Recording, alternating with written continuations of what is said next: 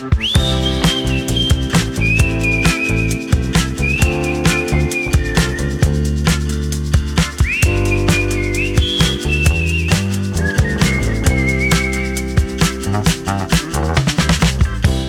hola, hola a tothom. Hola, Sílvia. Bon dia i bona hora. Com estàs? Bon dia. L'altre dia pensava, sempre quan comencem aquest podcast ens saludem entre tu i jo, però en realitat aquí hi ha un, un públic molt ampli que ens escolta i crec que els hauríem de saludar amb ells també, no?, cada dia. Per tant, hola a tots els que ens escolteu, ben tornats al podcast d'Easy Catalan.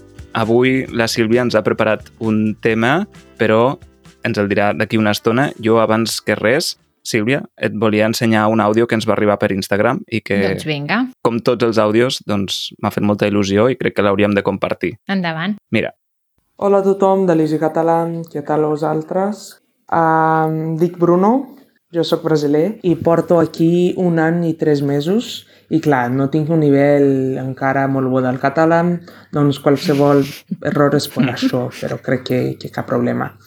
Um, vaig començar a escoltar el vostre podcast només per una raó.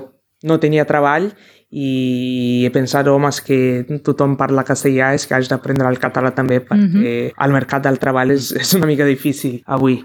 I clar, després d'això em vaig enamorar, em vaig enamorar per la vostra cultura i clar, és que ara estic totalment integrat aquí, saps? I l'idioma és, és fundamental per això. Doncs moltes gràcies i heu de, de continuar sempre. Adeu! Adeu, adeu. adeu, adeu. Ho has sentit, Sílvia? Hem de continuar sempre, eh? La veritat és que té molta raó el Bruno dient que aprendre català per un tema laboral és un punt extra, no? Que Mm. és veritat que tothom mm, parla en castellà, però que si tu busques una feina i tens també el català, doncs és una cosa més que tens. Sí. Bé, has dit tothom parla en castellà, No, és, eh, més ben dit, tothom parla castellà. és a dir, aquí eh, monolingües catalans pràcticament no n'hi ha. no. Diríem que és una cosa inexistent. Potser algú Sí. hi ha, vés a saber. Però, La meva padrina ho era. però sí, tots sabem castellà. Veus?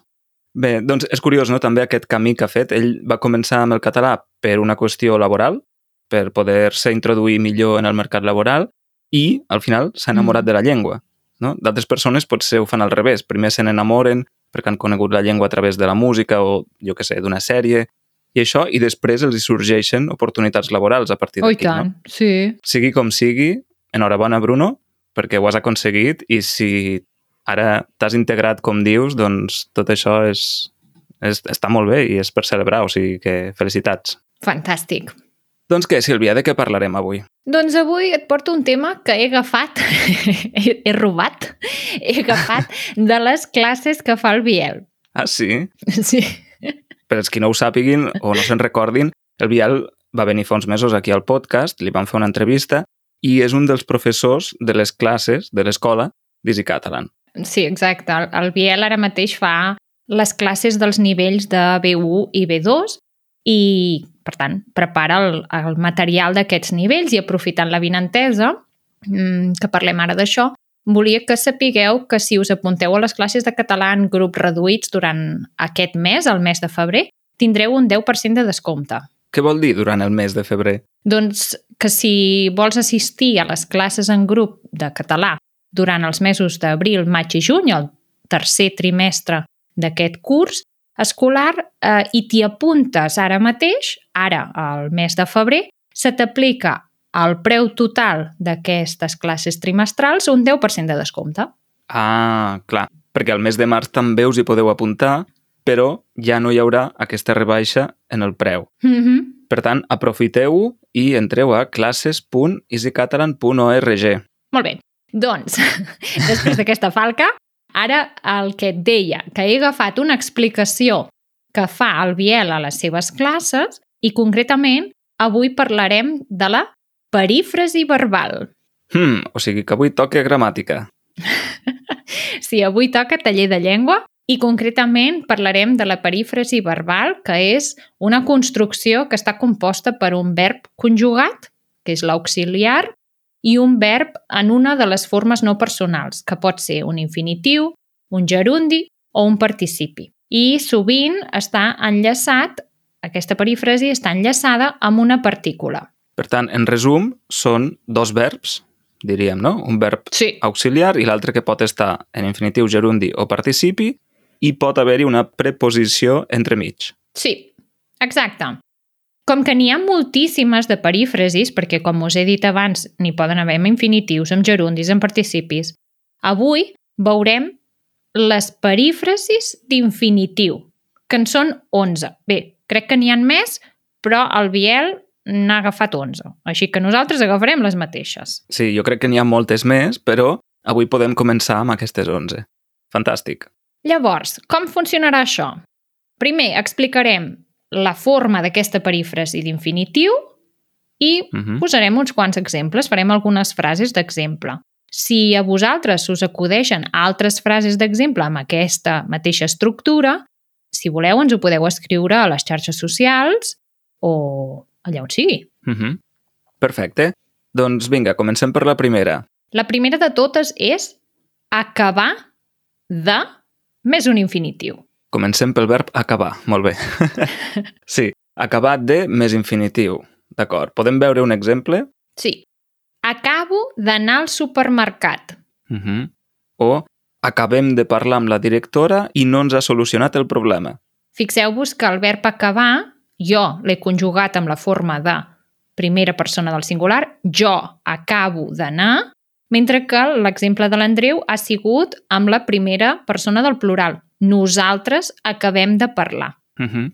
I aquesta perífrasi, al final el que significa és que hem fet una... És que, valgui la redundància, acabem de fer una acció, o sigui que just ara hem fet una acció, no? Acabo d'anar al supermercat, vol dir que vinc del supermercat. Sí. Mhm. Molt bé.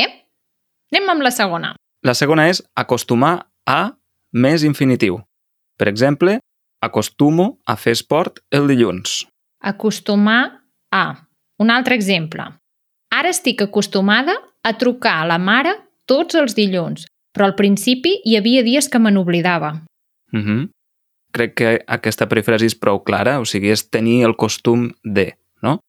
Hi ha un altre verb amb el qual també podem fer una altra perífrasi, que és soler, no? Solc fer esport Sí. el dilluns. Molt bé. Potser algú s'haurà fixat que en el meu exemple, l'exemple que jo he dit, hi ha tres verbs seguits i és estic acostumada a trucar. Això és perquè la forma no és de present. O sigui, no és el present que ha fet servir l'Andreu, que és acostumo a fer. Ho veieu, eh? Estic acostumada, és una altra conjugació. Sí, però el significat és el mateix. Acostumo a trucar a la mare Exactament tots els el dilluns, és el mateix que estic acostumat o acostumada a trucar a la mare tots els dilluns. Molt bé. Fantàstic. La tercera, per mi, és una mica complicada. Hmm. Així que um, mirem, mirem-ho amb atenció, d'acord? És anar a més infinitiu. El verb anar. El verb anar és molt irregular. Mm -hmm. I per això el meu exemple és vaig a planxar la roba. Exacte, vol dir que estàs a punt de planxar la roba. Uh -huh. Un altre exemple podria ser Nois, hem de marxar. Ens n'anem a sopar amb les amigues, no? Sí. Per què, per què he dit que és complicat aquest? A veure, Andreu. A veure, aquesta perífrasi és complicada perquè, segons la gramàtica i segons l'ús tradicional, s'utilitzava abans sobretot en passat, no? Per exemple, anava a sortir, però vaig recordar que havia d'estendre la roba, Uh -huh. no? Abans l'ús era sobretot en el passat. Ara cada vegada més se sent en el present. No? Per exemple, aquests exemples que hem vist. Vaig a planxar la roba. Anem a sopar amb les amigues. Vaig a planxar la roba indica una acció que estem a punt de fer. Uh -huh. Anem a sopar amb les amigues, aquí ja indiquem un desplaçament. O sigui, en el cas de vaig a planxar la roba, potser no te'n vas en lloc. Potser tens l'estenedor just al costat, no? Sí. Però estàs indicant que estàs a punt de fer aquesta acció. Aleshores, aquests dos casos són correctes, però el que no podem fer és utilitzar-ho en futur. Per exemple, si diem això de demà va a ser un desastre, Clar, no? això seria serà. Serà Desastre. un desastre, exacte. Mm Això de demà va a ser un desastre no, no és genuí, no és un ús habitual en català, però és que, a més a més, podria generar confusió, perquè es podria assemblar al temps passat, no? Ho entenc, sí. Mhm. Per tant, no, no s'hauria de dir demà van a començar les rebaixes, sinó demà començaran les rebaixes. Exacte. Sí. Per tant, amb aquesta perifrasi, en resum, hem d'anar en compte de no fer-la servir per al futur. La podem fer servir en passat, en present, però en futur no. D'acord, següent, ens n'anem a la número 4. Vinga, doncs la número 4 és arribar a més infinitiu. Per exemple, no arribaré a completar aquest trencaclosques. I el meu exemple diu Miquel, potser tu arribes a agafar el pot de la prestatgeria de dalt de tot. És que no hi arribo. Uh -huh. Arribar a significa que tu vols aconseguir alguna cosa i hi vols arribar. Uh -huh. Sí, el sinònim seria aconseguir, com has dit, no? No aconseguiré Mhm. completar aquest trencaclosques. Trencaclosques, per qui no conegui la paraula, és una paraula molt bonica. Eh, un trencaclosques és un joc, no? Pot ser, per exemple, un puzzle o un altre Mhm. joc amb altres tipus de peces en què has de trobar la manera que encaixin, no? També pot ser un trencaclosques figurat, un enigma, no? Un enigma pot ser un trencaclosques. Mm, exacte, Mhm. sí. Bé. Passem a la número 5 i aquí hi trobem el verb caldre més infinitiu. Uh -huh. Aquí ja no hi ha cap preposició entre mig. Caldre més infinitiu. I l'exemple diu cal signar el document.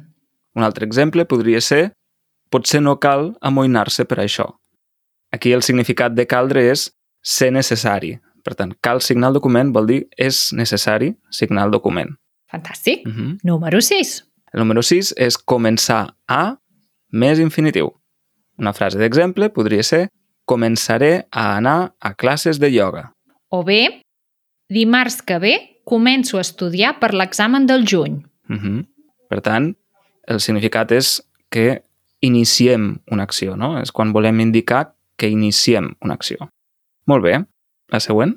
La número 7 és deixar de més infinitiu. Com ara, deixaré d'anar a aquesta botiga. O bé, ara, amb el canvi d'any, m'he proposat deixar de fumar. Alerta, és una frase d'exemple, eh? Ja va quedar prou clar en l'episodi anterior que, que no fumo. Ans al contrari, soc, mm, detesto amb profunditat, amb totes les meves forces, el tabac. O sigui que... Per això hi he escrit aquesta frase, perquè vaig pensar, aquesta... Deixar de significa que ja no fem aquella acció, ja no la volem fer més, Mhm. no? La deixem de fer. Sí. Seria el contrari de començar a, no? Exacte, sí. Si abans dèiem començaré a fer classes de ioga, doncs deixaré d'assistir a les classes de ioga. Vinga, passem a la número 8. Molt bé. El número 8 és deure més infinitiu. Per exemple, deuen ser les 9, si ja fa fosca. O és estrany que no arribi la mare, no? I l'altra persona diu no t'amoïnis, deu haver anat a comprar i per això arriba una mica més tard. Uh -huh. Aquesta és la perífrasi de suposició o probabilitat, per excel·lència, no? Deure Mm. més infinitiu. Aquí també cal recordar que amb aquest significat en català no utilitzem el futur, sinó que hem de fer servir aquesta perífrasi, deure més infinitiu. És com si Mhm. diguéssiu potser. Sí. Potser són les 9. Uh -huh. Potser ha anat a comprar. Sí, exacte. Molt bé. Número 9. Haver de més infinitiu. Uh -huh. He d'acabar l'examen d'aquí a 5 minuts. O demà he d'anar a Lleida per temes de feina. Aquesta és d'obligació. Mm, Has de fer-ho. Tens l'obligació. exacte. Aquí una altra puntualització que podem fer és que en català hi ha una perífrasi que no és correcta d'obligació, que és tenir que. Uh -huh. Es pot sentir molt habitualment, però en català no diem tenir que, sinó haver de. I la número 10 és poder més infinitiu. Puc aparcar aquí? Sí, oh, i tant. Gràcies. O no sabia que podíem buscar la solució a internet. Uh -huh. O sigui, simplement per indicar possibilitat, no? El verb poder més un infinitiu. I l'última de totes, la número 11. Tornar a més infinitiu. Tornaré a intentar-ho aviat. O, la setmana que ve tornaré a venir, a veure si ja ho heu solucionat. Doncs per indicar una repetició, no? Exacte, tornar és fer-ho una altra vegada. Molt bé. Doncs, com hem dit abans, la llista de perífrasis encara és més llarga, així que potser podem continuar a, en el bonus, no? Sí, al bonus potser podríem mirar les de Jurundi o les de Participi. Mm -hmm. Fantàstic. L'abraçada de la Sílvia. Doncs l'abraçada d'avui va dedicada a tots els aprenents de qualsevol llengua del món. Acabo de preparar la secció d'avui de l'episodi del podcast i és un tema que segurament tornarem a parlar-ne. He de ser sincera i dir-vos que quan he començat a veure el tema de les perífrasis, he pensat, no n'hi deuen haver gaires. Potser fins i tot les podrem explicar totes, però he vist la llista i no. No podem tractar-les totes, seria massa. Així que he deixat d'escriure exemples i he pensat, no cal aprendre-ho tot d'una sola vegada perquè la majoria d'aprenents saben que per arribar a parlar i comprendre millor la llengua necessites temps. Però estic tan acostumada a preparar exercicis per als meus alumnes que aquesta abraçada n'és un. Una abraçada molt forta i ànims a tothom. Re, noi, molt bé. Ei, em sumo a l'abraçada, molt ben dit. Més paraules molt encertades. doncs tothom que vulgui pot tornar enrere amb la seva aplicació de podcasting o a YouTube o a Spotify on sigui, tornar-se a escoltar aquesta secció de l'abraçada i intentar trobar totes les perífrasis que ha dit la Sílvia. Penseu que hi ha les que hem explicat avui, aquestes 11. Uh -huh. N'hi ha algunes que potser fins i tot són repetides i n'hi ha algunes que potser no hi són. Així que el que es tracta és de que les trobeu i sapigueu quines són. Exacte. I qui faci l'exercici i vulgui compartir la seva resposta amb nosaltres, ho pot fer a la comunitat, al Discord, però també a través de les xarxes socials, com ara Facebook, Instagram, Twitter o també Telegram. Així que ja anirem acabant l'episodi, però abans, Sílvia, avui tenim un altre àudio per ensenyar, en aquest cas, d'una de les professores de l'Escola d'Easy Catalan, de la René, Mm -hmm. que l'altre dia m'explicava que ella sol acabar les seves classes amb alguna recomanació cultural, no? Sigui de música o de llibres o del que sigui. I va pensar que seria interessant doncs, compartir algunes d'aquestes recomanacions també al podcast. Aleshores ens ha enviat un àudio per fer-nos avui una recomanació musical. A veure quina és.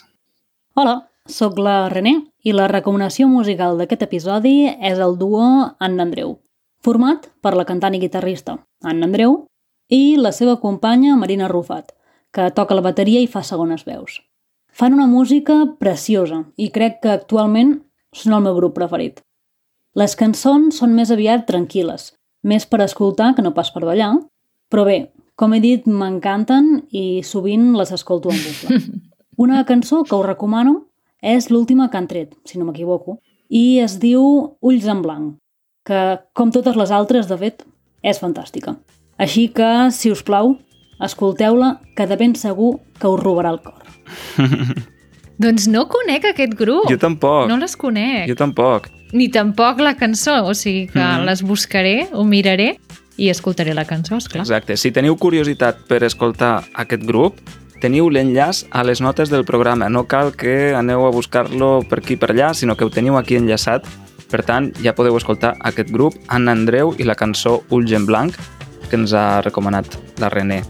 Doncs ja som al final de l'episodi. Moltes gràcies, um, Sílvia, per aquesta llista de perífrasis Gràcies al Biel i a tu. i a tots els oients, com sempre, per escoltar-nos. Doncs que vagi molt bé i fins la setmana que ve. Que vagi bé a tothom. Adeu. Adeu!